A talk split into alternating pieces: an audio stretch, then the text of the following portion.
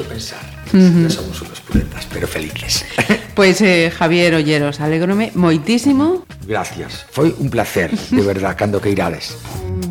Amor de los padres, eso nunca. A playlist. Javier, de verdad un placer. Un placer, gracias. Tenía muchas ganas. Non hai cancións de verde para dormir Non hai mistos para fundir Os pesadelos entre as sombras que habitan as esquinas. Saludos, hemos sacado hoy a nuestro invitado. No sé si de los fogones, si del mercado, si de estar con, con la familia. El caso es que hemos secuestrado en el mejor sentido de, de la palabra por un ratito a una estrella Michelin, a Pepe Vieira o José Manuel Torres Canas. Bienvenido. Bien hallado, muchas gracias. Eh, me ha dicho a mí alguien eh, que, que, la temporada se ha alargado más de lo previsto, ¿no? Hombre, sobre todo con este tiempo que, que tenemos, que bueno, ya parece esto California, ¿no? De, Efectivamente. este super tiempo genial, pues sí, la verdad que la, la, la temporada ha sido una temporada muy buena uh -huh. y además ha sido una temporada muy larga, claro. Uh -huh. Eh, Pepe, mm, habitualmente eres un hombre que, que madruga, no, no, no, ve salir el sol. ¿Cómo, cómo es el, el, amanecer de...? Pues... ¿Cómo prefieres que te llame? ¿Pepe, José? Sí, Pepe, Pepe. Bien, Venga, sí. pues va. Eh, pues me levanto sobre las 8 de la mañana aproximadamente y me encargo de mi hija pequeña. Eh, bueno, eh, mi mujer a esas horas ya, ya está fuera de casa. Por lo tanto, me tengo que ocupar de, de darle el desayuno, vestirla. Uh -huh. eh, hacer vida familiar, vamos, comienzas hacer, como papá. Hacer unos, sí, empiezo, empiezo, de papá, exactamente. Hacer unos mimos hasta que la dejo en el, en el. En el cole. Bueno, en el autobús. Ajá. Y bueno, y a partir de ahí, pues ya estoy. Ya Tienes dos, eh, dos, criaturas, ¿no? ¿De qué sí. edades? Tengo un hijo de, de 11 uh -huh. y una niña de 9. 11 y, y 9. Y esos actos de justicia que le llamo yo en cada programa, ¿cómo se llaman estas criaturas? Pues la niña se llama Tati. Tati. Y, y el niño se llama Darío. Ajá. Pues Tati y Darío. A atentos, yo no sé si en algún momento papá musicalmente os ha hecho una alusión o si son de los niños que, que, les has ido metiendo ya esta música en vena. Son muy de ACDC. muy bien. Sí, lo van sufriendo en el coche. Sí, sí, sí. Pero bueno, ya lo piden ellos, o sea... Que... Uh -huh. ¿Y, y, a, ¿Y, a, Pepe le pasaba lo mismo con, con sus padres? ¿También tus padres te, te, iban metiendo en vena sus gustos musicales? Bueno, eh, la verdad es que quizás no tanto. Mis padres nunca fueron así de... de de grandes, grandes melómanos, ¿no? Uh -huh. Pero bueno, sí, sí que alguna cosilla. Sí, mi padre era muy de Julio Iglesias y estas Ajá. cosas, ¿no? Oye, que a mí me gusta, ¿eh? no, cuando, y a mí, yo, vamos, de fan cuando, total. De vez en cuando me lo pongo. No sé si esto es políticamente correcto decirlo o no. Pero... Sin complejos. Sí, mi padre era así, como muy de, de, Julio Iglesias y recuerdo que mi madre más de Juan Pardo. Ah, o sea, que había ahí un, un duelo... Sí, sí. Y mm, he visto, eh, tú eres vigués de nacimiento. Sí, vigués. ¿Y de nacimiento y de estancia o...? Bueno, viví en Vigo durante... Eh, hasta mi pubertad, más o menos. Luego me fui a vivir a Santiago cuando empecé la escuela de, en la escuela de hostelería. Pero bueno, de aquella se empezaba bastante joven, con el cual empecé con 14 años allí. O sea que los 14 primeros años de mi vida los viví en Vigo uh -huh. y sí que después pues volvía los fines de semana y de vez en cuando. Porque tus padres son de allí, son, son vigueses. Bueno, no, mis padres, es que de Vigo hay muy poca gente, yo creo. ¿eh? mis padres... Es una ciudad que se ha hecho a raíz de todos los que han ido llegando, ¿no? Es, exactamente. Entonces mis padres son de, son de, Vigo, perdón, son de Rashó. Ajá. Eh, por eso nosotros tenemos el restaurante en Raso y uh -huh. etcétera. Eh, mi padre era profesor en Vigo y con lo cual pues eh, vivimos en Vigo Ajá. y nacimos en Vigo. O sea que mmm, tenemos o, o, otro hijo de, de, de, profesores, hay unos cuantos, ¿eh? Y van marcando de muy diferentes ¿Ah, sí? maneras, sí, sí, sí, sí. Y lo, y lo de canas que te preguntaba antes, que yo fui chicando ahí preguntándole al señor Google, va y de repente me aparece una ciudad previa a los romanos en Italia. Y Claro, digo, bueno, las, guerras, las guerras púnicas. sí, ¿Eh? sí, sí. Bueno, la verdad es que no sé. eh, yo tampoco no conozco a nadie que se apellide así tampoco aquí por aquí en Galicia. Yo creo que debe tener esto un rollo italiano o algo así. La Sí, verdad es que sí. nosotros no, ta- tampoco lo sabemos, ¿eh? o sea, quiero decir, no, no ni pajolera idea. Yo suelo decir que viene de cannabis. Y que, Vale. bueno, que ahí quedó. Debía tener un antepasado que, ¿sabes? Que igual le gustaba el cannabis y le quedó. Y dijo lo de canas, sí, señor. Mira, quería preguntar también, háblame de. mm, No del restaurante, háblame de Pepe Vieira. Bueno, Pepe Vieira es eh, en realidad eh, es el nombre de mi abuelo. Y nosotros cuando montamos nuestro, cuando digo nosotros me refiero a mi hermano y a mí, esto, cuando montamos eh, nuestro pequeño restaurante en San Senso, mi abuelo antes de fallecer nos había dejado de aquellas un millón de pesetas a cada uno. Un millón de pesetas a mí y otro a mi hermano para que nos compráramos un coche. Como nosotros vivíamos en el extranjero, eh, aquel millón de pesetas pues lo, lo habíamos, lo habíamos ahorrado y, no, y, no, y lo teníamos en el banco. ¿no?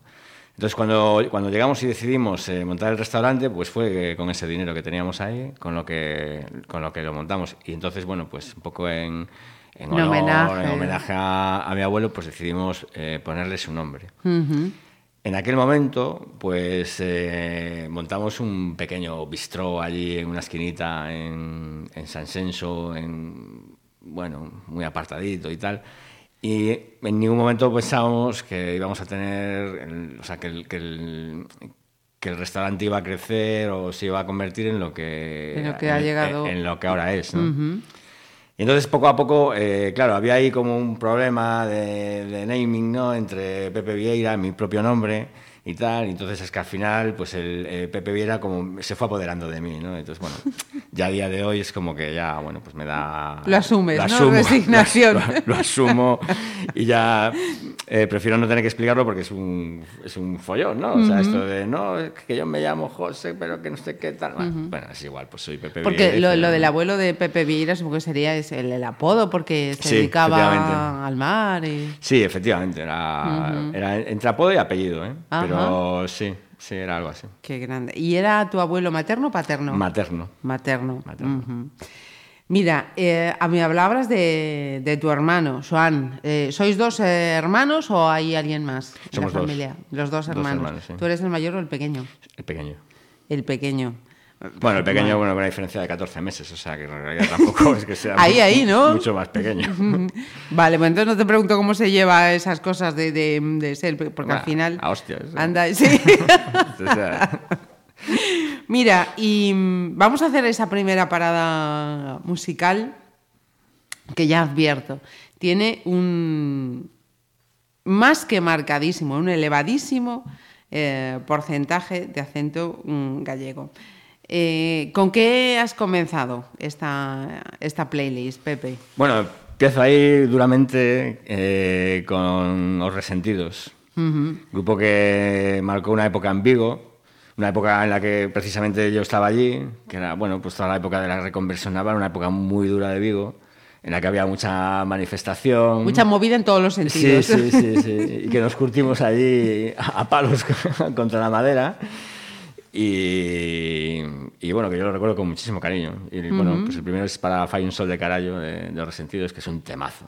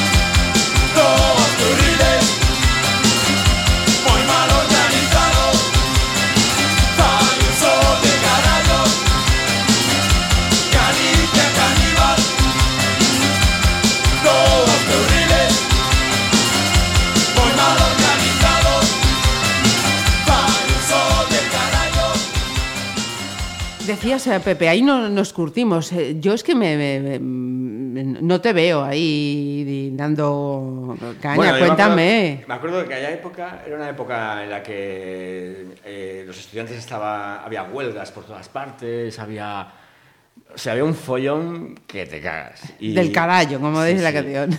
Sí, justo. Y, y claro, era una época en la que, bueno, todavía era- yo era muy jovencito y tal, pero ya íbamos a, sa- salíamos a la calle, a las manifestaciones, venía la poli, aquello era muy divertido, muy divertido.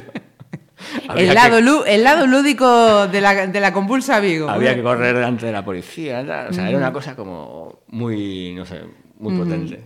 Ajá. Y bueno, y, y además, pues eso, con, pues, eh, con mucho rollo musical, con mucha, no sé, sí, un momento, era todo un momento muy, en vivo muy, muy, sí, muy de, mucho de cambio y, y, bueno, pues, pues que lo recuerdo con mucho con Cariño, mucho cariño, ¿no? sí. E intensidad, desde luego, se ve. Mira, eh, he leído yo, mm, desmiente o no, porque ya sabes que mm, lo de Internet hay que mm, cogerlo, sí, efectivamente, eh, que te convertiste en chef o entraste en esto de, de la cocina eh, por sugerencia eh, de tus padres, no porque fuera algo que decías, "Mm, es que a mí esto me, me- me tira. Bueno, eh, sí, efectivamente. O sea, mi padre era profesor de, de FP. En ese momento, eh, bueno, pues como profesor estaba bastante informado de, de- de lo que había y de las opciones que, que un crío en aquel momento podía, podía tomar. Yo no, tengo que reconocer que no era muy buen estudiante eh, y entonces mi padre pensó que, que- que, bueno, que, que esto de la cocina y tal, pues que tendría, que podía tener futuro y que, y que posiblemente pues, podría hacer carrera, carrera en ello. Como te digo, como te decía antes, esto eran, eh, tenías que decidirlo con 14 años. O sea, Evidentemente un niño con 14 años poco puede decidir qué es lo que le gusta o lo que no, Ajá. o lo que quiere o lo que no. Eh, en ese momento lo decidió, lo decidió mi padre por mí y bueno, yo, yo creo que acertó. Porque, porque, bueno, aquí estoy. Sí, señor. Eh, mira, por lo que nos contabas antes, eh, un chico eso que, que- que vivía esa intensidad de, de- del Vigo a mí, de, de a aquel- mí Sí. lo, que me, lo que me gustaba era irme a vivir solo a Santiago. Ah, Ya, Que ya. eso era lo que a mí cuando me lo propuso mi padre me dijo, oye, ¿qué hay esto? Y dije, hombre, Y pues, ya con 14 años te decías, sí, sí, no, no, yo sí, por sí, mí mismo. Sí, sí, sí. O sea, un tío echado para adelante. Bueno, sí, yo un- siempre he sido un tío de decisiones. Eso sí es verdad. ¿Y cómo era el, el día a día en la, en la casa de los Torrescanas entonces, con esos dos chicos? eh? Tuvieron que pelear. ¿Cómo se llamaban tus padres, por cierto? No te he preguntado. Mi madre se llama Flora y mi padre se llama Juan. Y entonces, Flora y Juan tenían mucho que, que pelear con Juan y con Susi. Eh, bueno, pues sí, la verdad que sí, bastante, ¿no? O sea, tener dos adolescentes en casa a la vez, pues imagino que no, que no, que no es fácil. La relación entre los hermanos, eh, decías tú, a palos. Sí, bueno, lo normal, eh, lo habitual de dos machitos ahí, ¿sabes? En plena adolescencia y tal, pues lo típico. Flora. sí. Con, con los dos chicos en casa, la única mujer en casa. Ay, estas, estas, estas madres, estas madres. Entonces, te marchas con 14 años a Santiago. Sí, me marcho con 14 años a Santiago. Eh, ¿Cómo es ese cambio? Tal y como tú... Espera, no, no, co- como la publicidad. No me contestes ahora, vamos a publicidad. Eh, vamos con otra selección. Venga. Con también Esto- cañerita y marcado la siguiente, va, gallego. la siguiente va más o menos en la onda. Es eh, Bailaré sobre tu tumba de Siniestro. Porque, eh, lógicamente, grupos de, de Vigo, estos eh, los conoces saliendo de, de noche por los coleguitas que tal, o era inevitable, o sea, conocer en ese momento. Es que en aquel momento en Vigo esto era lo que lo petaba. Vamos, o sea, Siniestro, eh, Los Resentidos, bueno, ya ahora iremos eh, descubriendo más. Y, pero y eras de, de escucharlos en directo, eras de los que comprabas discos y discos de, y discos. de todo, de todo. Bueno, era más de cassette. De, de aquella, efectivamente, éramos de casa. Y además de estar, si estabas en la radio, por favor que se calle y me deje grabar la canción completa. Efectivamente, efectivamente. Y luego, de, como cuando se te estropeaba el rebobín del, del dabas con el boli. Eh,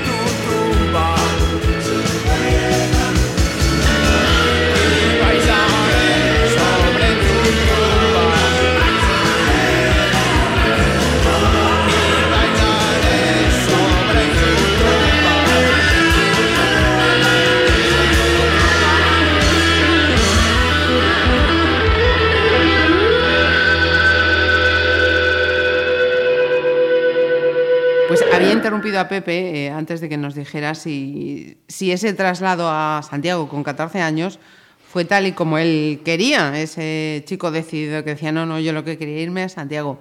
¿Cómo, cómo fue? Bueno, a ver, tampoco era una libertad total, porque estábamos en un internado y vivíamos en, bueno, pues vivíamos allí en, en el internado un montón de chavales en la escuela y aquello era muy divertido, la verdad. Eh, y bueno, sobre todo era muy diferente a lo que hasta, hasta entonces había, había vivido. Para mí fue una experiencia muy potente, muy potente. Y la verdad que, bueno, la viví bien. Fui madurando poco a poco. Eh, muy potente de conocer a mucha gente nueva, todo, todo Sí, nuevo, ¿no? sí, claro, pues de repente eran como un fregado allí de chavales que éramos todos que veníamos de cada uno de una, de una parte de Galicia y de fuera también, de Valladolid, de Salamanca, de, de Asturias. Bueno, pues mira, mi mejor amigo de... Bueno, un mejor amigo, uno de mis, de mis mejores amigos es eh, Pedro Martino, que es un chico que es, que es cocinero en, en. Asturias y que nos conocimos allí con, con 15 años. Y bueno, aún seguimos manteniendo una tremenda amistad.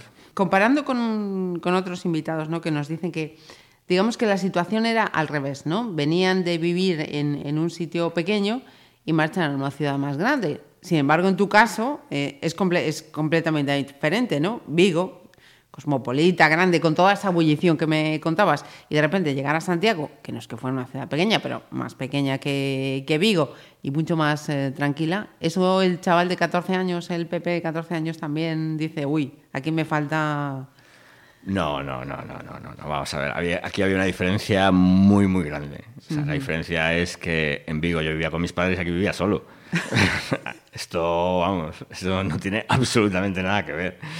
Entonces la libertad que puedes tener viviendo tú solo, pues evidentemente es muy, muy diferente. Y bueno, luego me pasó eso que dices tú. O sea, luego sí que me fui a vivir a otras ciudades más grandes. Me fui a vivir a Madrid. eh, cuando terminé, yo después seguí estudiando y estu- estudié turismo. Y, ahí, y eso ya di, ya di el paso a, a irme a vivir a Madrid y estudiar turismo en Madrid. Ujú, que eso vale. ya fue un poquito más adelante. Mira, y, y la hostelería entonces ya te, te empieza a, a enganchar o de momento era, bueno, pues eh, es lo que me toca, yo estoy disfrutando de mi independencia y, oye, es hostelería como podía ser Sí, filosofía. sí, filosofía. A mí me hubiese metido en carpintería y hubiese sido un gran carpintero. vamos, o sea, lo tengo, eh, de verdad, ¿eh? lo, digo, lo, digo, lo digo en serio. O sea, quiero decir, yo a mí me, me empe- me empezó a enganchar la, la hostelería cuando empecé a viajar. Y Cuando empecé a, a- a vivirla en, en- en otros países, porque eh, de repente me, me di cuenta de que sabía un oficio y que podía, y que podía vivir del que hasta ese momento pues, tampoco tenía esa, esa, esa noción. Pero cuando te vas fuera de, fuera de España y de repente ves que te, que te puedes ganar la vida y te la puedes ganar bien y que además eh, se te reconoce como profesional y tal y cual, pues eh, de repente ahí es cuando, cuando enganché con, con el tema y cuando me empezó a gustar. Y cuando de verdad me empecé a, a interesar también. Eh, vamos a hacer otra, otra parada y, y nos vamos ya a, a esa etapa de, de Madrid, si te parece. Venga. Seguimos en clave gallega, además. Sí, sí, es que claro. bueno, este es, Haciendo- este es uno de los grupos que más, que yo creo que también más me ha, más me ha marcado a mí, que fueron esto... eh, Golpes. Golpes bajos. Eh, y bueno, eh, Fiesta de los Maniquíes es uno, yo creo que de, los, de sus temazos, ¿no? Eh, con Germán Copini al frente y tal. Por cierto, fui vecino de Teo Cardalda. Vivíamos en el mismo, vivíamos en el mismo edificio. Cuéntame eso. Sí, bueno, a ver, yo es que ta- tampoco te creas tú que lo, que lo veía subir y bajar, pero tampoco tenía mucho más, mucho más, mucha más afinidad con él.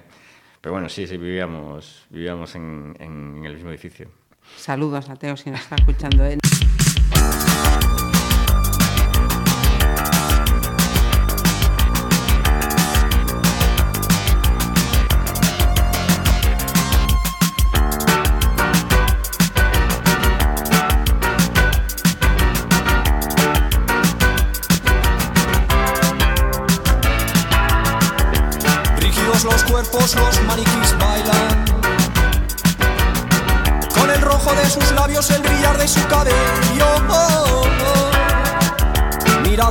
Cristal bajo el saxo envueltas. Perfecciones en los rizos, sus gargantas secas. Fiesta de los maniquíes, no los toques, por favor. Fiesta de los maniquíes,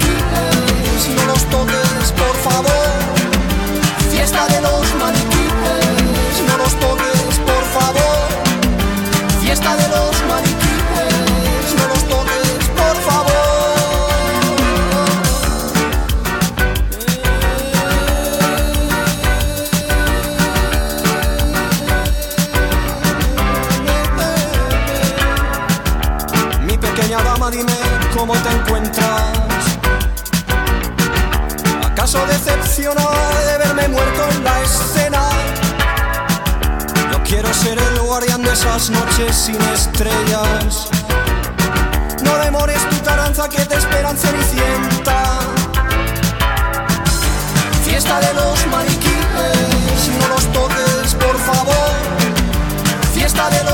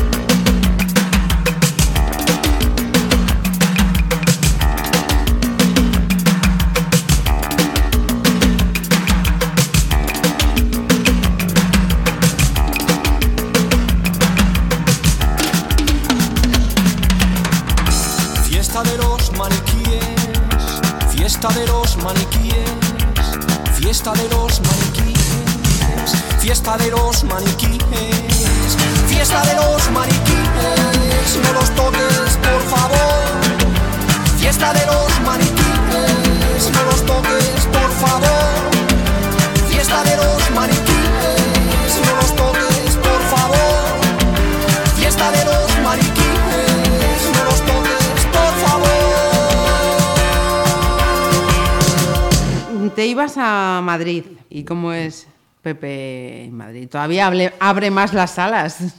Bueno, pues esto, cuando terminé aquí, en Santiago, eh, todavía era, pf, tenía como 18 años, una cosa así. Me parecía que todavía era como demasiado joven para, para dar por terminada mi etapa de estudios. Ajá. Y entonces, pues reengancho en turismo, que era como una que era como la siguiente secuencia a hostelería, ¿no? O sea, era como el complemento universitario de, de- de la formación profesional. Y entonces nada, me voy para Madrid y ahí empiezo, eh, bueno, pues a trabajar y a estudiar a la vez y, y nada, me fui sacando mi, mi carrera allí. La verdad es que eh, aquella época sí que fue un poco más dura. Madrid es una ciudad eh, bastante, bastante dura en ese sentido, porque, o lo era, porque era complicado con- encontrar trabajo, era complicado encontrar piso, era, era complicado, bueno, todo era complicado. Estamos hablando del Madrid de los 90. Sí, estamos hablando del Madrid de los 90, sí. Muy diferente al Madrid de, de ahora.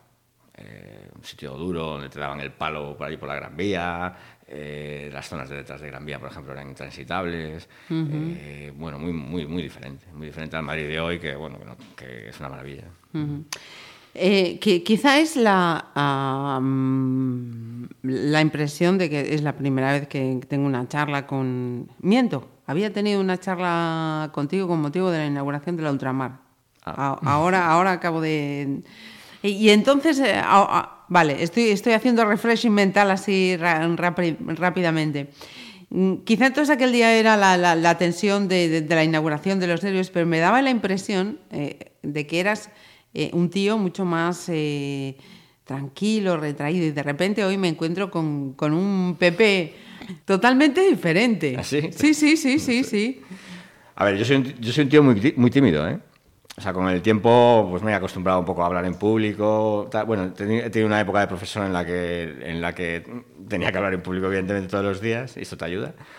Y, pero soy una persona tímida, ¿eh? bastante tímida. Lo voy superando. Vale. Eh, cada día me ratifico más en eso de los mecanismos de, de defensa de los tímidos. Te entiendo perfectamente. Eh, ese Madrid eh, duro. Luego marchas ya al, al extranjero. He visto que Canadá, Escocia, Francia y, y lo de Canadá también, sácame de la duda, que he leído informaciones contradictorias. ¿Te marchas por, por casualidad o por circunstancias X o porque había, creo que, que leí en al- alguna referencia, amigos de, de tus padres y fue elegir Canadá por Ca- para Canadá que- fue la época en la que estabas todavía en Santiago. Yo a Canadá me fui, Ah, en- sí, de hecho en Canadá eh, cumplí 16 años allí. O sea, bueno, eh, por, dar, por dar el dato, ¿no? Eh, nos vamos a Canadá eh, para aprender inglés, eh, mi hermano y yo, a casa, Ah. de, un- a casa de unos amigos de mis padres que tenían un restaurante allí y que es un señor de Sober que desgraciadamente falleció el año pasado, perdón, el, el verano, este verano pasado. Y, mm, y nada, pues eh, un poco era el rollo este de que en aquella época eh, pues la gente que podía mandaba a los hijos así a... A los- pasar un mesecito, un tiempo a Sí, aprender el inglés, sí. Sí, bueno, pues nuestros, a mí mi, mi padre nos mandó allí a currar. Vale. Entonces, nada, nos fuimos para allí y este señor tenía, claro, tenía un pedazo de restaurante espectacular. Un sitio, bueno, con una cocina espectacular, con un servicio, bueno, que aquí no, aquí no existía.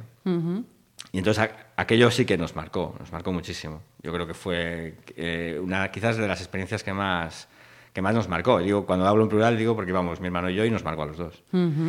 y, y bueno, recordamos aquella etapa con, con muchísimo, muchísimo, muchísimo cariño.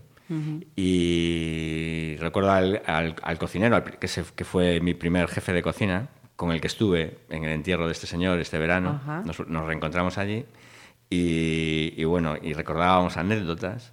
Y sobre todo, esto, y digo esto porque no sé si te acuerdas que este verano esto hubo una polémica sobre los estallers, la gente que trabaja en los restaurantes y bla, bla, bla, ¿no?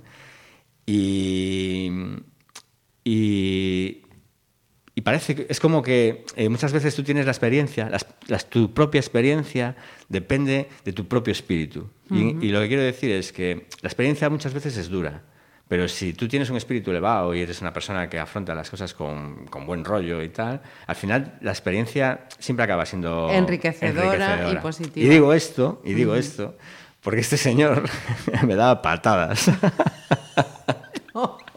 sí, sí, era, era, era acojonante. Entonces el tío, que era cojo, Ay, ay, era ay, cojo, entonces venía así como, ¿sabes? Con la pierna Renqueando. renqueando y arrastrando una pierna, y entonces cuando, cuando hacía algo mal y tal, no sé qué, me intentaba pegar, me pegaba, pero yo eh, lo que intentaba era que él no se cayera. Me da, me da, me da.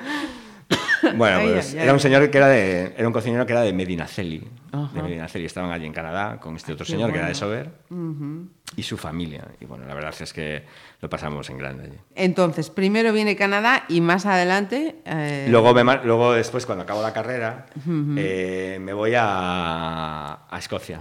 Ajá. Me voy a Escocia. Escocia, entonces ya por decisión propia, no porque papá y mamá dijeran tirar para allá a aprender lo que no, es la vida. No, que va, mis padres al contrario, nunca, bueno, nunca les pareció esto como muy normal. Ni, Bueno, a ver, ellos nos querían tener cerca de, cerca de casa y tal, pero bueno, la verdad es que nosotros nunca, siempre quisimos estar por ahí. Culos inquietos. Sí, la verdad es que sí. Y lo de Escocia fue porque, bueno, yo tenía un amigo que, que, que se había ido a Escocia y el tío estaba flipando con, con- con Escocia. Bueno, el tío era medio escocés. Se había convertido en me- en medio escocés. Y entonces, esto, bueno, eh, mi hermano se va, se va a vivir a Escocia un año antes que yo, por medio de este, de este amigo. Y después, cuando él estaba allí, pues esto, como que yo decido irme allí a donde estaba él. Y, eh, y es, en ese momento, nosotros no coincidimos en Escocia, porque mi, mi hermano en ese momento se fue, eh, se fue, de hecho, se fue a la India. Y, y yo me fui allí y estuve, bueno, pues al final viví casi dos años allí. Casi dos años eh, curtiéndote ya en esta profesión, aprendiendo. Sí, sí, sí, claro, sí, sí. Ya lo que te decía antes, ¿sabes? Llegas a sitios, a sitios así y de repente te das cuenta de que, ¿sabes? Un oficio, de que eh, lo puedes ejecutar bien, por encima te pagan bien. Claro, en ese momento eh, había, empezaba, bueno, ya había mucha gente eh, que se iba al Reino Unido a aprender inglés, evidentemente. ¿no? Eh, lo que pasa es que, claro, allí te juntabas con un montón de gente, eh, yo qué sé, pues unos habían estudiado Derecho, otro Medicina, otro Filología, otro no sé qué, y estaba allí todo, quis- todo quisqui, ¿no? Ajá. Y todo el mundo se dedicaba a la hostelería, absolutamente todo el mundo, porque eran los únicos trabajos a los que realmente podíamos acceder, acceder, con, nuestro, con nuestro pésimo nivel de inglés y tal igual, ¿no? Entonces, eh, claro, yo era el único que sabía de verdad. porque- Inglés, sí. No, inglés no, inglés Ah. no tenía, inglés sabía algo, pero Bueno, esto- bueno. pero lo que lo que sí sabía era el oficio La de la profesión. Ajá. Entonces, claro, yo iba muy por delante del resto de los que estaban allí, que uno había estudiado, pues, pues te digo, derecho y otro era filólogo, que no tenían ni Caían de idea. casualidad en el, en el sector. Claro, entonces de repente yo era como... bueno, El sheriff. eh, El sheriff de la, de- de la historieta, el que tenía el mejor curro, el que ganaba más pasta. El que daba las patadas al... sí, efectivamente. Por lo, tanto, por lo tanto, claro, allí vivía muy bien, muy bien. Entonces, bueno, me quedé allí. Estu- mira, fíjate, yo creo que estuve casi, casi a punto incluso de quedarme allí a vivir, porque ya Anda. empezaban a ofrecerme cosas serias y empezaba ya a, a- a vivir bien y tal. O sea, que ya se rifaban por ahí a Pepe. Bueno, a ver, tampoco es que, se que me rifaran, pero bueno, eh, allí es, es un sitio donde, bueno, pues hay mucho trabajo y, bueno, pues enseguida puedes destacar y tal. Bueno, Ajá. Ha- hacemos una otra paradita, Pepe. venga. ¿Con qué vamos? Eh, Seguimos en, en clave gallega. Venga, no, bueno, ahora eh, nos vamos. Sí, ¿no? No, nos vamos para Ah, Asturias. perdón, perdón, perdón. Sí, sí, sí, sí. Eh, este es uno de los grupos que. que buah, a mí me, me flipaban, los suaves. Perdón, los suaves. Ilegales, Eh, por eso decía yo la clave- la- la clave gallega, sí, sí. Ilegales. Agotados de esperar el fin de ilegales. Temazo.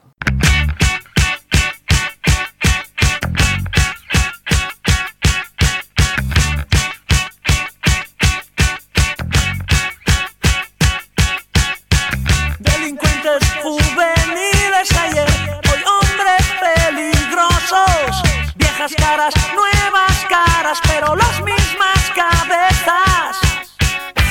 les empujará. No viven solo esperan, van agotados de esperar. Agotados, De esperar el fin, agotados, de esperar el fin, agotados, de esperar el fin,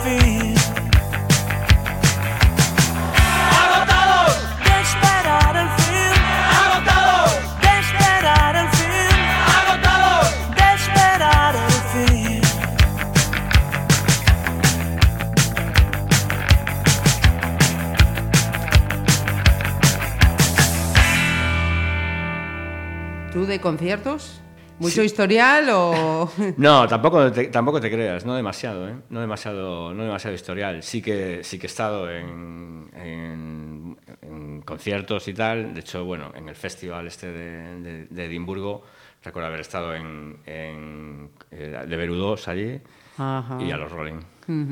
Bueno, algo sí. Oye, casi nada. Oye, Dire Straits en Vigo también, Radio Futura. Alguno que otro suma, Bueno, ¿no? los siniestros sí, eso sí, a todos. Yo estaba, yo estaba ahí en Castrelos el día del, el día del directo, subiendo, subido en la torre. No se conformaba con estar ahí. No, no, no. Subido a la torre. Cuéntame eso. Bueno, es que hay una parte del, co- del concierto que dice, Ajá. que dice el cantante, y ahora vamos a subirnos todos a esa torre. Ah, no lo y, es- sabía. y inicia el, el último Ah. nena, hoy voy a asesinarte. Vale.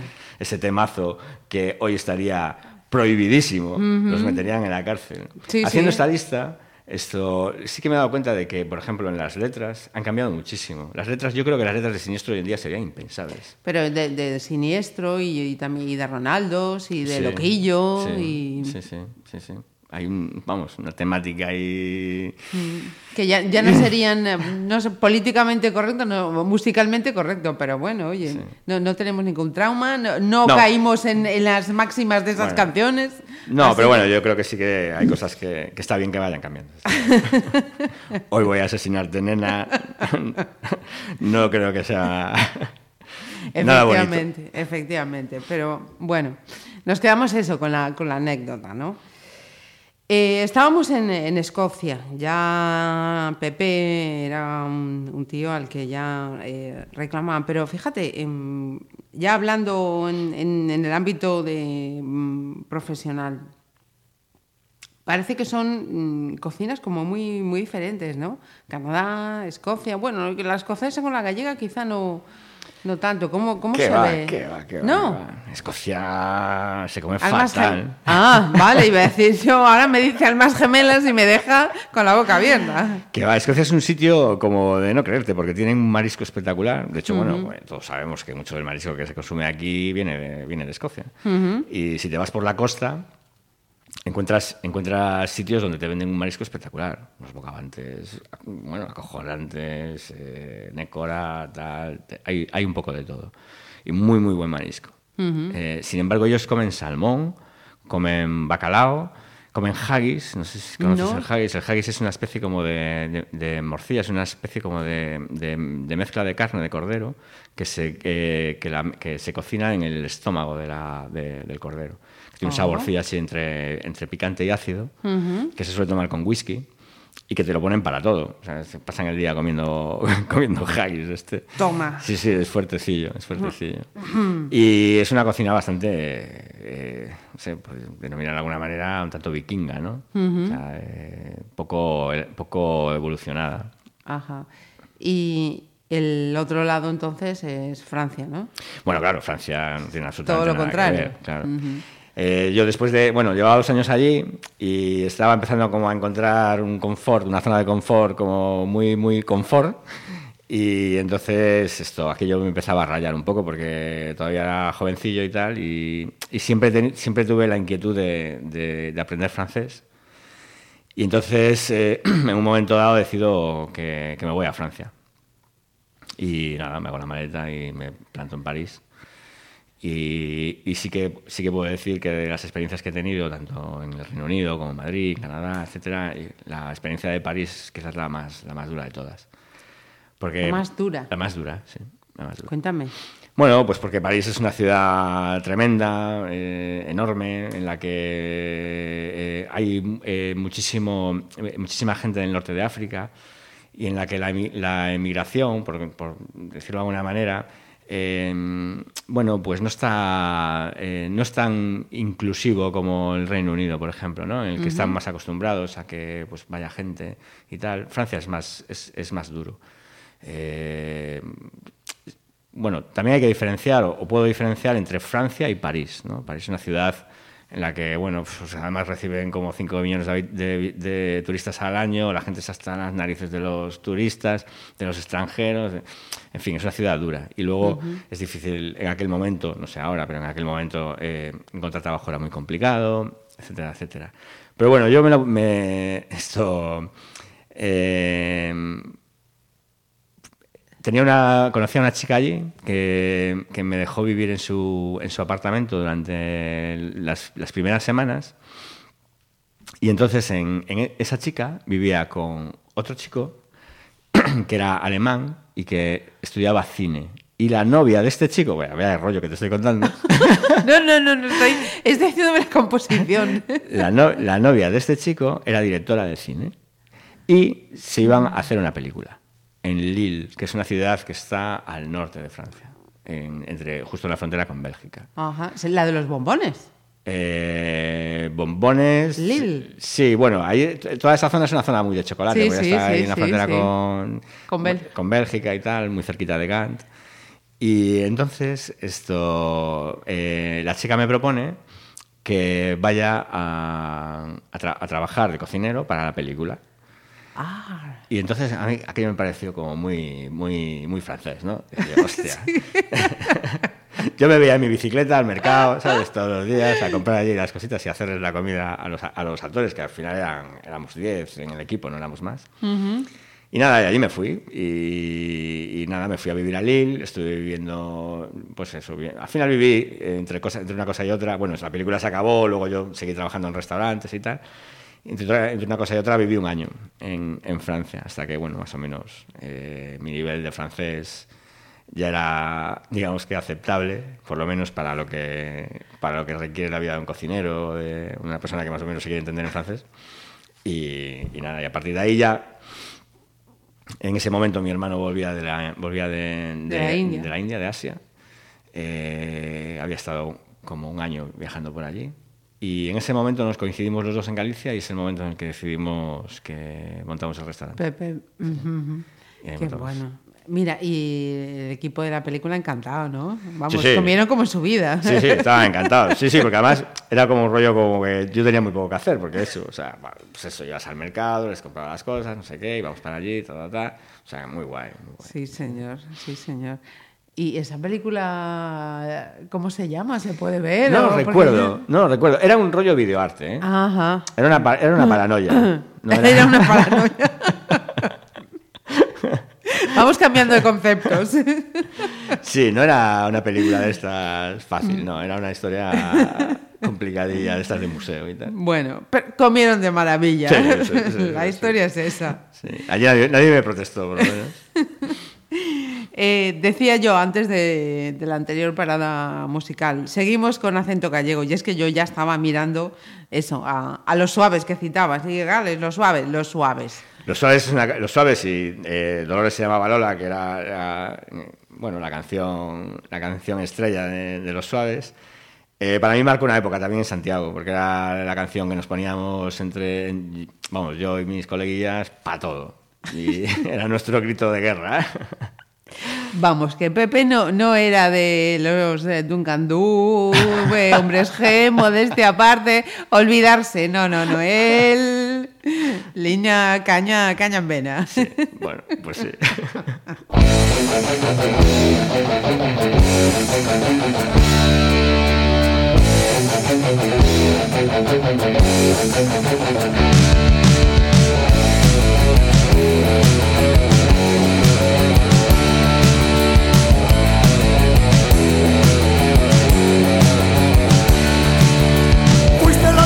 de azul en el colegio de monjas, calcetines y coletas, y estabas loca por Paco.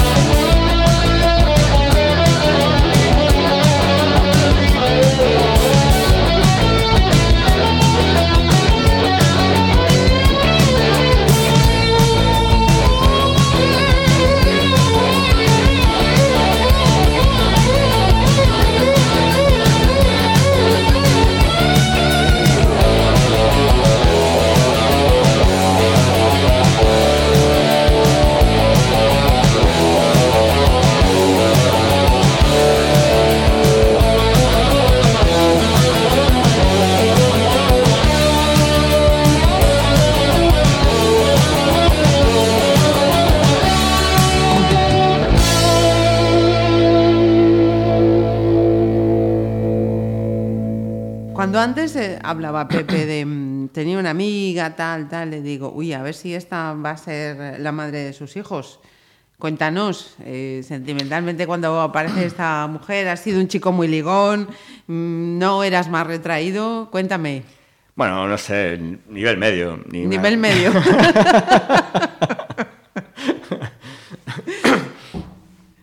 Bueno, en fin. Siguiente pregunta. Siguiente pregunta.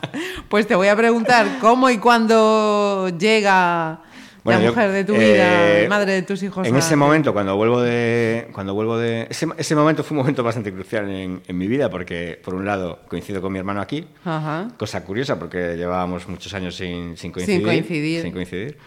Eh, decidimos que, que montamos el restaurante y, y en ese mismo periodo de tiempo conozco a la que ahora es eh, mi mujer, que eh, acababa de llegar de Nueva York. Eh, mi, mujer es, mi mujer es neoyorquina. Anda, no sabía. Y, sí. Y bueno, es hija de, de, de unos de emigrantes gallegos, pero es la típica chica esta de, que había en todos los pueblos que venía a los veranos, ¿sabes? Que. Mm. hablaba, que, hablaba, que hablaba en inglés. y entonces, nada, eh, la conozco porque es, bueno, ella es la prima de, de la que del que entonces era pareja de uno de mis mejores amigos. Y entonces, bueno, nos conocemos y, y, bueno, pues y a partir Eh, de esta, ahí es, esta es la... nos enamoramos, no sé qué, no sé cuánto y tal. ¿Cómo y- se llama? Sandra. Sandra. Sandra. O sea, que los padres optaron por el nombre castellano, nada de... Sí, bueno, los padres son, los padres son eh, bueno, ya es tercera generación en Estados Unidos, ¿eh? Pero, Ya tercera generación, caramba. Sí, pero bueno, o sea, tercera generación en el sentido de que los, sus abuelos también estaban allí. Pero los padres nacieron aquí. El padre, eh, su padre es de Moaña y su madre es de Cernego, un pueblo de, de Orense. Ah. Sí, sí, sí. Y han bueno, llevan en Nueva York, pues no sé, 60 años, una cosa así. O sea, toda la vida. Y los, eh, los peques, Tati y, y Darío, los habéis llevado a Nueva York para que... Sí, claro, sí, sí, muchas veces. Mm, ¿Cómo, cómo, cómo lo llevan? ¿Cómo es eso de ir a ver a los abuelos? Bueno, pues eh, sobre todo Darío ha pasado allí algún verano con ellos y todo esto. Y bien, a ellos les, les encanta. Aparte de Nueva York, ¿a quién no le ¿A gusta, quién no- ¿a quién no le gusta Nueva York? Mira, y Sandra, eh, ¿a qué se dedica? ¿O ¿Te ayuda en, en tu negocio? No, ¿Está no, totalmente no, al margen? No quiere saber nada de, de mi negocio, no. Pues mira, ella eh, es fisioterapeuta Ajá. y montó un, montó un negocio aquí en, en Pontevedra que se llama Pautas con unas compañeras y bueno, eh, luego decidió dejarlo pues porque, bueno, pues eh, porque, bueno, pues entre los críos y no sé qué, pues, pues, suponía demasiado esfuerzo. Y ahora está estudiando, que saca unas notazas, la tía, saca ¿Ah, todos, sí? todos sobresalientes. Esa que, ¿sabes? Que la típica persona esta que dice, no, voy a suspender, voy a suspender. Y luego saca Y luego te da... ¿Y qué está estudiando? Pues está estudiando educación infantil. Ajá. ujú. Mira, y hablando de fisioterapia, que cuando Pepe llega a casa, mira, estoy tensionadísimo. ¿Qué va? ¿Qué va? ¿Qué va? ¿No? Para nada. Yo tampoco cocino en casa, ¿eh? Vale. es que todo el mundo me dice esto, ah, dará unos masajes que te Claro, cagas. claro. No, no, negativo. Los tópicos, ya sabes, lo de siempre. Y musicalmente, eh, este hombre no nos cambia la línea, ¿eh? ha ido ahí, dale, dale, dale. Eh, nos vamos también con, jolín, con una canción mítica, ¿no? Sí. Cuéntanos. Espera un segundito. Sí, perdón. lo tengo aquí apuntado. ¿Lo tienes apuntado? Lo tengo ya apuntado, venga, te lo digo. Los Barning y ese que hace una chica como Que hace una tú chica como tú en un sitio como este. como este. Es otra canción mítica que marcó toda una época. Sí, sí. Mira, que casi igual hasta se lo pudiste preguntar a Sandra la primera vez que la viste. ¿Qué hace una chica como tú en un sitio como este? Pues sí.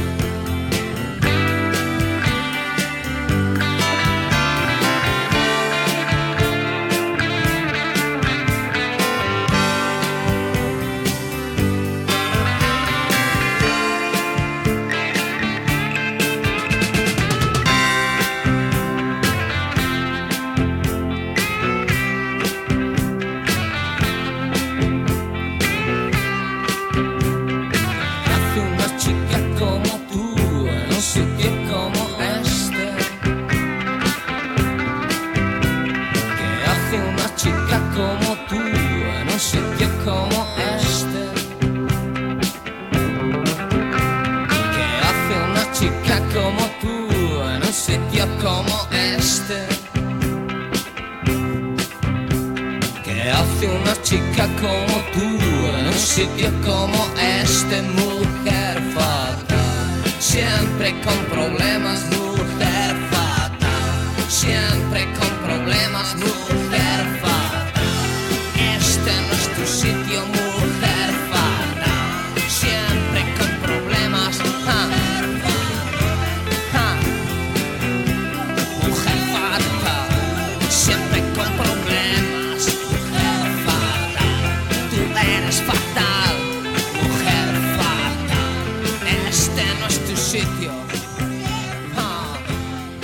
Pues nada, que se embarcan los hermanos Torres eh, Canas en, en ese restaurante, Pepe Vieira con el nombre del, del abuelo, y la cosa se le va de las manos, que aquello empieza a crecer muchísimo. Sí, aquello empieza a, a- ¿Sabes qué pasa? Que fue como un momento en el que, en que bueno, nosotros eh, abrimos el restaurante ahí y tal. En ese momento también abre Casa Marcelo en, en Santiago, abre esto, em, eh, la estación de Cambre en Coruña.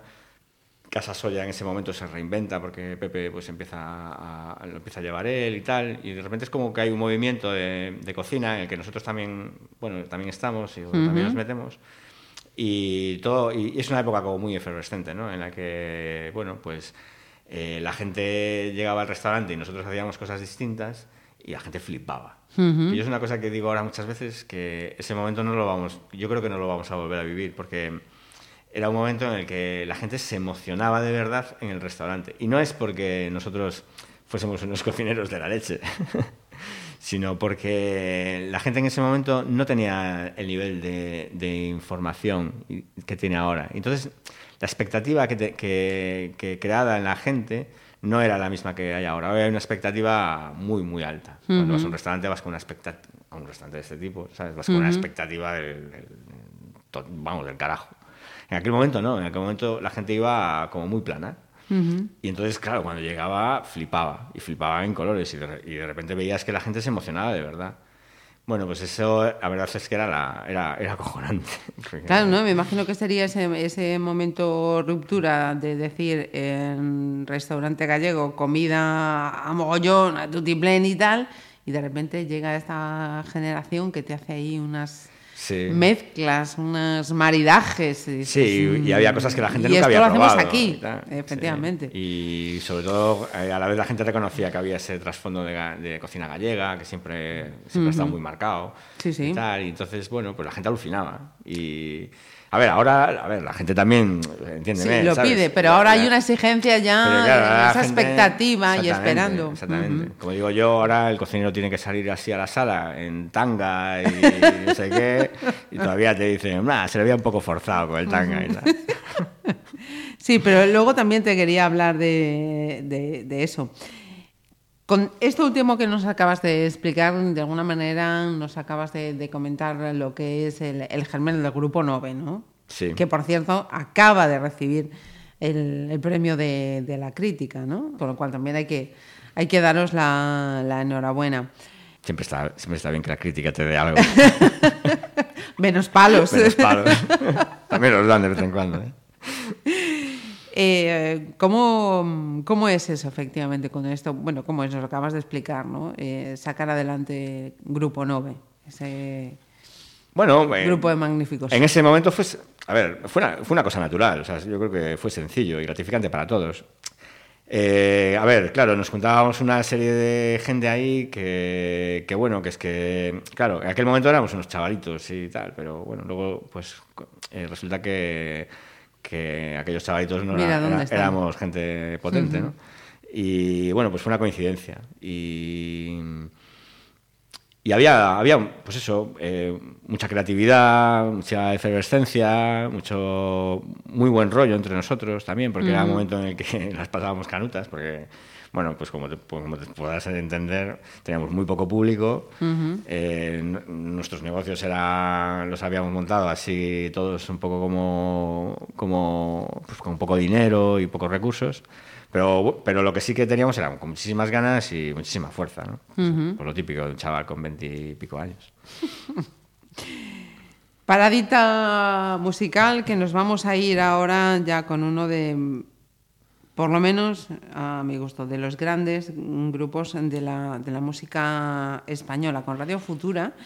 Y, y fíjate, pues no- tampoco es que sea uno de los... mm, Vamos a... Si hacemos una encuesta, yo creo, entre la- las tres canciones más repetidas de Radio Futura, han caído los dos, igual no están entre esas. ¿Por qué han caído los dos? A mí, de Radio Futura, siempre me, me- me gustó muchísimo la letra, las letras de las canciones. De hecho, recuerdo que... Santiago Serón... Sí, era un que pedazo de quitarse el poeta. sombrero. Sí, sí. Y, y- incluso recuerdo que teníamos un profesor que nos hacía y que nos mandaba hacer comentarios de texto Ajá. de las letras de, de Radio Futura. Y Qué siempre, bueno. me, sí, siempre me pareció como, hostia. Ujú. eh, Este me engancha, este me engancha, sí, señor. Esto, ¿sabes? Hay- aquí hay algo más y tal, ¿no? Y esta canción siempre me pareció un- impresionante.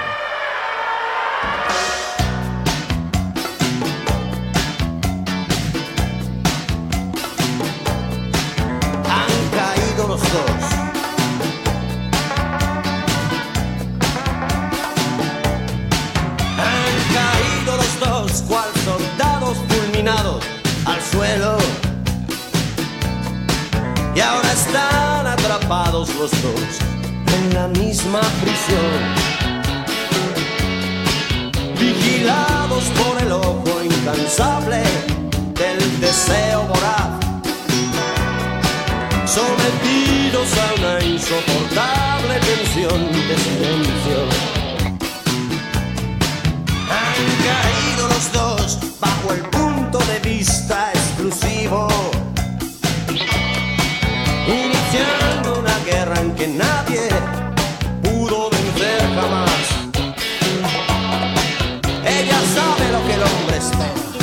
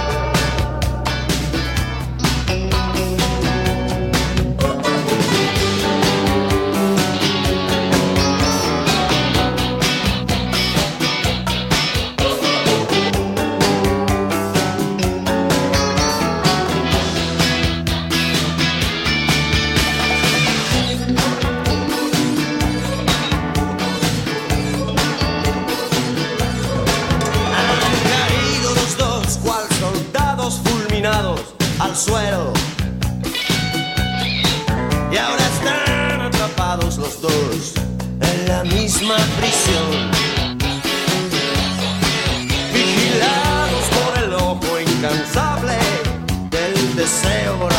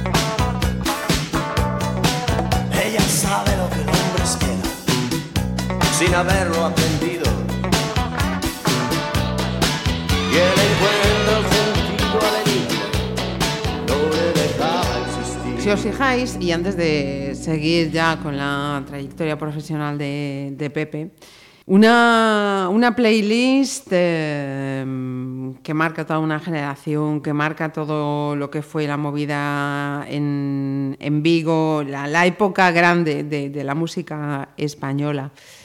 Y entre fogones, Pepe, ¿se pone esta música? ¿No pone música?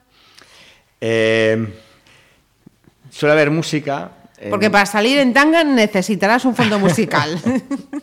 Bueno, a ver, esto en, en- en el salón hay música. Ajá. De hecho, eh, es algo que la gente eh, se fija muchísimo, porque eh, sí que es verdad que en el restaurante tenemos una lista de, pues un poco esto, ¿eh? Y entonces, claro, cuando vienes a un restaurante de estos, que, que como el mío, que yo creo que la gente se espera un poco Vivaldi o, algo así, y de repente lo que suena es ACDC, pues la gente se queda un poco como, ostras, esto... Me rompe los esquemas ya me- por el oído. Pero un poco los esquemas, sí. Pero la verdad es que, que, que la gente pues le gusta. Sobre todo porque además esto nuestro público es un pu- es- está entre los entre los entre aproximadamente los 28, 27, 28 años hasta los eh, 50 y tantos, ¿no? Y reconocen un poco toda esta, toda esta música, ¿no? O sea, es algo que, que casi es de, un poco de toda, es intergeneracional, ¿no? Entre esta, es- entre esta banda, ¿no? De, de- de edades. Y, Y luego otra cosa es la música en la cocina, Sí, que eso es otra cosa. en la cocina. En la música en la cocina normalmente suena a todo gas hasta aproximadamente las, las 12 y media, una cosa así.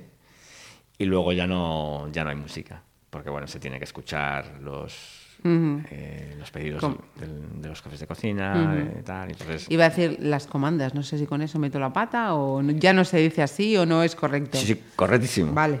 Las comandas. El oído, oído cocina, toda, esta historia. Y cuando dices eh, a todo gas, esto mismo que nos estás poniendo en esta playlist. Sí, pero bueno, no, yo, luego también hay, a ver, tampoco es aquí el- la dictadura de- del chef que pone su música y al carajo.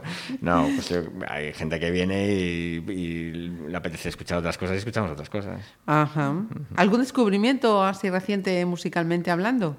Bueno, este verano teníamos un chaval que nos ponía Dez con dos, que era la locura aquello, todo el día con Dez con dos, que por cierto, oye, a, mí la verdad es que... Sí, no, me- no, no, no te, no te va nada sí, mal. no, Sí, no, sí, gusta, sí, sí. Bueno, claro, si no nos gusta no se lo dejamos poner. Dale. sí, señor. Em, antes de, de irnos también con más, con más caña, que, que sepáis que mm, cuando ha aparecido aquí en Pontevedra Viva, de repente veo a, a Pepe con, con un casco de moto en la mano y digo, toma, ya otra más. Cuéntame lo de las motos y... Es un poco difícil de contar esto, ¿eh? porque, bueno, a ver, te lo voy a contar. Eh, yo, no soy, yo no soy un motero así muy, al- muy de toda la vida, ¿eh? ¿No? No, no, eso tengo que decirlo, tengo que confesarlo, aunque lo parezca, ¿no? Porque entro con el casco, los guantes y tal, pero no, no, no del todo. Eh, hace como cosa de, de como cuatro o cinco años aproximadamente, esto, eh, viví un momento en el que estaba como, tenía mucho curro. Estaba- más, que, más que tenía mucho curro, eh, curraba mucho. Y, y entonces es que no tenía así como ninguna afición o... o- Algo que te Sí tenía aficiones, pero como las que las, había ido abandonando, ¿no? con, el tema de, con el tema del curro. Y, y entonces dije, mira, tengo que encontrar algo que pueda hacer y que además pueda hacer en casa. Porque eh, paso muchas horas fuera de casa, entonces pues me apetecía algo que pudiese hacer en, en casa. Y entonces eh, me compré una moto para restaurarla. Me compré una Honda del 73, de, mi, la- Mm. de mi misma edad. Una, Ujú. Honda, una Honda CB. Y me puse a, a- a restaurarla. ¿Te pusiste a restaurarla? Sí, sí. Las desmonto muy bien. Qué ahora, bueno. Ahora montarlas. Que venga otro. sí, cojo las piezas todas y, y la llevo al taller. Estas me sobran. Qué grandes. Y luego me compré una, una Osa Explorer, antigua también, para, también la restauré. Y ahora estoy restaurando una, una Moto Guzzi California. Qué bueno. Bueno, y luego tengo la que uso habitualmente, que es una, una Ducati Monster. Y luego tengo otra que es de enduro, porque bueno, también hago, hago enduro. Toma. Pues mira. Tengo unas, vamos, que tengo unas cuantas. O sea que ha llegado no hace mucho tiempo, pero. Pero para quedarse, sí, sí, con sí. fuerza. sí. Pues Rosendo nos viene Rosendo, guau, espectacular, Rosendo. maneras de vivir. Maneras de vivir, sí, sí. Temazo. No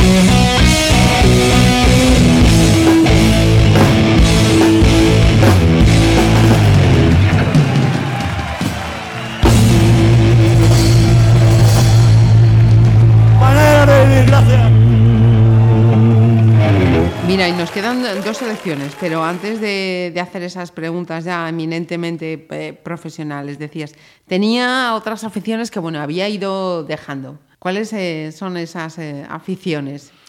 Bueno, una de ellas, mira, fíjate, una de las una de, de- bueno, una de mis grandes aficiones, iba a decir, no sé si mis grandes aficiones o no, pero era una persona que leía bastante. Ajá. Que poco a poco lo he ido dejando, pues porque no encuentras tiempo, pues porque en casa tienes que también estar con los críos, con tal. Entonces son cosas que, bueno, pues eh, que, por ejemplo, la lectura la he, ido, la he ido abandonando. La escritura, por ejemplo, que también es una persona... De hecho, he visto por ahí, si no me equivoco, que tenías escrito un libro, ¿no? Bueno, colaboro... El área de cocina. Sí, bueno, tengo alguna cosilla por ahí. Colaboro con la, con la voz de Galicia también. Hago, hago un articulillo. Bueno, hago así algunas cosillas. Ujú. Eh, Lectura, escritura. Hacía windsurf también. eh, que también, bueno, los deportes que también fui dejando porque tienes que montar la vela, luego desmontarla, luego tienes que qué, luego tienes que lavarla. Puto coñazo. A mí que me la den ya colocada, hecha, limpia. y- Claro, es que la moto la cojo el garaje, salgo y estoy con el monte ya. uh, ya. Sí, señor. La Bueno, lectura, sí. el windsurf. Sí, bueno, y bueno, ya te habrás dado cuenta de que viajar también era una de, Era mis- otra. de mis grandes aficiones. Ahora lo hago más por trabajo que tal, aunque bueno, intento también, a medida de lo posible, pues escaparme cuando Disfrutar de, también de, de esos viajes. Eh, ya nos has hablado así a, grande- a- a grandes, no, alguna pincelada. pueda. Oye, te voy a con contar una excusa. anécdota de uno de mis viajes. Sí, por porque favor. estamos así hablando de rollitos de estos y, y, y, y tengo una anécdota que una vez me metieron en la cárcel. En- No. En, Guinea Ecuatorial. Y esto Pepe, es una ¿qué cosa que no. Esto te lo, voy a, te- te lo voy a dar aquí en exclusiva, en exclusiva para ti. Cuéntame, por favor, soy todo oídos. Pues mira, esto fue una vez que, bueno, te lo voy a contar rápido porque si no esto se puede, se puede alargar mucho. Pero Yayo Laporta me llama un día, Yayo Laporta, sí. cocinero estrella Michelin en Cambados y mundialmente conocido. Esto me llama y me dice, oye, Pepe, coño, que tengo un viaje a Guinea Ecuatorial, pero que no puedo ir, que es para la Embajada Española en Guinea y tal. Y si quieres ir tú, y tal, y bueno, ¿y, qué, ¿y nos pagan o, qué- o cómo es? Y dice, sí, sí, y tal. Bueno, pues nos pagaban bien y tal. Y dije, bueno, pues venga, pues joder, pues voy. Porque, porque además, sí que es verdad que a África yo he viajado poco, ¿no? Entonces dije, bueno, pues joder, esto tiene que estar bien. Entonces, nada, me voy para, me voy para Guinea.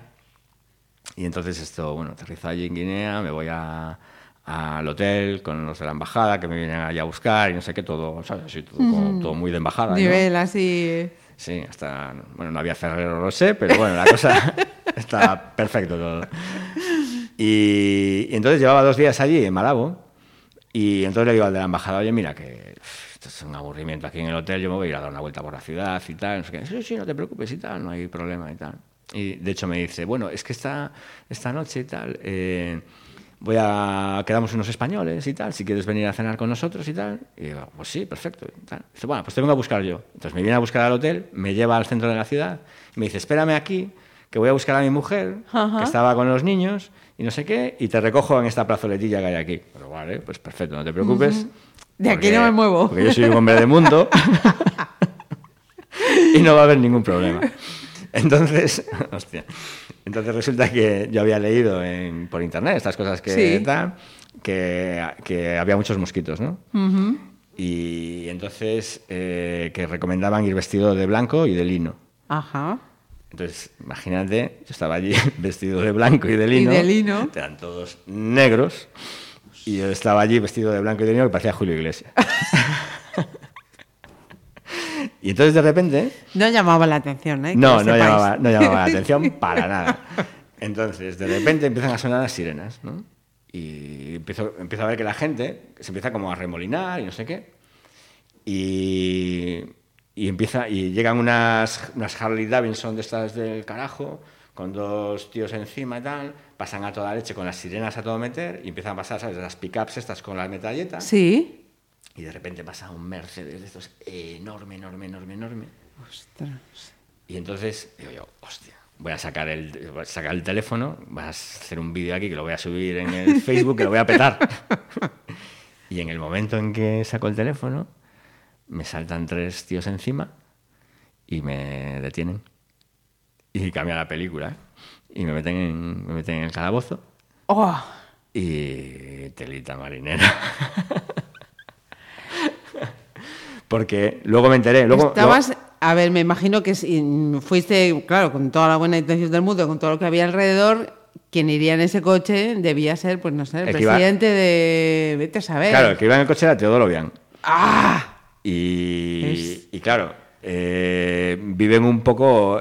Luego, claro, luego te enteras de muchas más cosas, ¿no? Pero viven un poco siempre en este rollo de que del atentado, del no sé qué, de los intentos de, de tal, bueno, en fin, que vive- viven con muchísima seguridad. Entonces después, después me, eh, amigos que estaban un poco metidos en el ajo y tal, me dijeron que bueno, que había tenido muchísima suerte de que no hubiese ningún francotirador en la zona porque, porque las, las bombas, todas estas cosas se detonan desde teléfonos móviles y bueno, en fin, que hay una película ahí montada del carajo. Bueno, y, y- y, mm, a ti cuando te... Mira, que es que soy... mm, Bueno. pe- pe- Viena, que, que soy un cocinero de... de ¿cómo, Sí. cómo es ese Bueno, momento? pues imagínate, eh, que te apunte con un arma, que no sé qué, no... Las pasas canutas, ¿eh? Sí, sí, fue una historia bastante heavy. Terminó, Terminó bien. después de muchas horas, enseguida Sí, te- bueno, eh, me dejaron llamar a la embajada, luego apareció el tío ahí, el de la embajada allí, que la- vaya, que la has montado parda, ¿eh?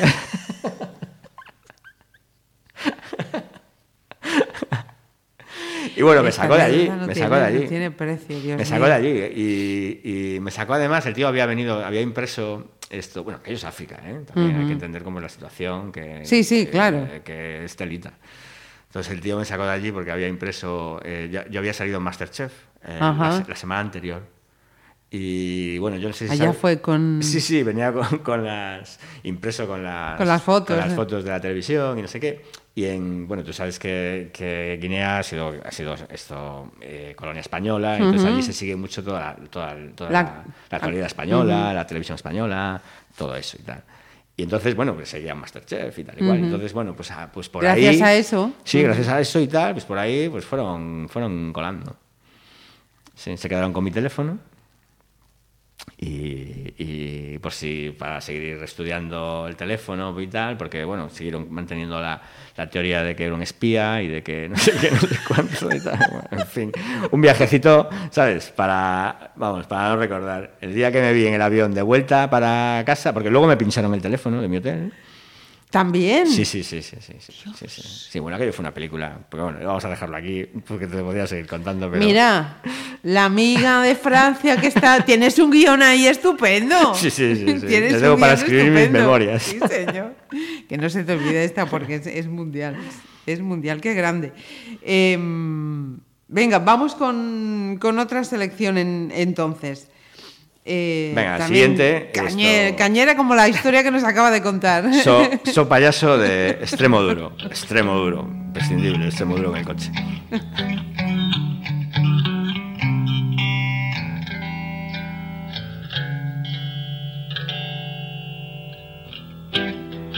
Puede que me deje llevar, puede que levante la voz, puede que me arranque sin más.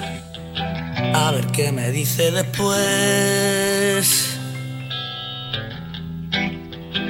Quiero ser tu perro fiel, tu esclavo sin rechistar, que luego me desato y verás. A ver qué me dice después, oh payaso, y me tiembla los pies. A su lado me dice que estoy de colorío, la empiezo a besar. Qué me dice después, soy cretino y me tiembla los pies. A su lado me dice que estoy